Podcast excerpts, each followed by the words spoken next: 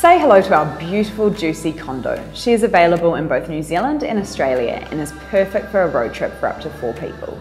So whether you're looking to cruise the coast with your best mates or you're planning a romantic couples adventure, this is the vehicle for you.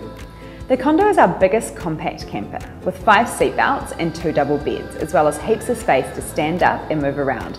So if the weather turns bad, you'll be dry and comfortable just chilling in your condo.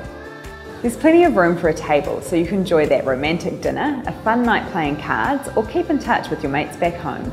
You can charge your devices while you're hooked up to a powered campsite, so there's no excuse for not checking in with the loved ones while you're on your adventure. Plus, hire our Scoot navigation device and make sure you don't get lost and stay connected to Wi-Fi.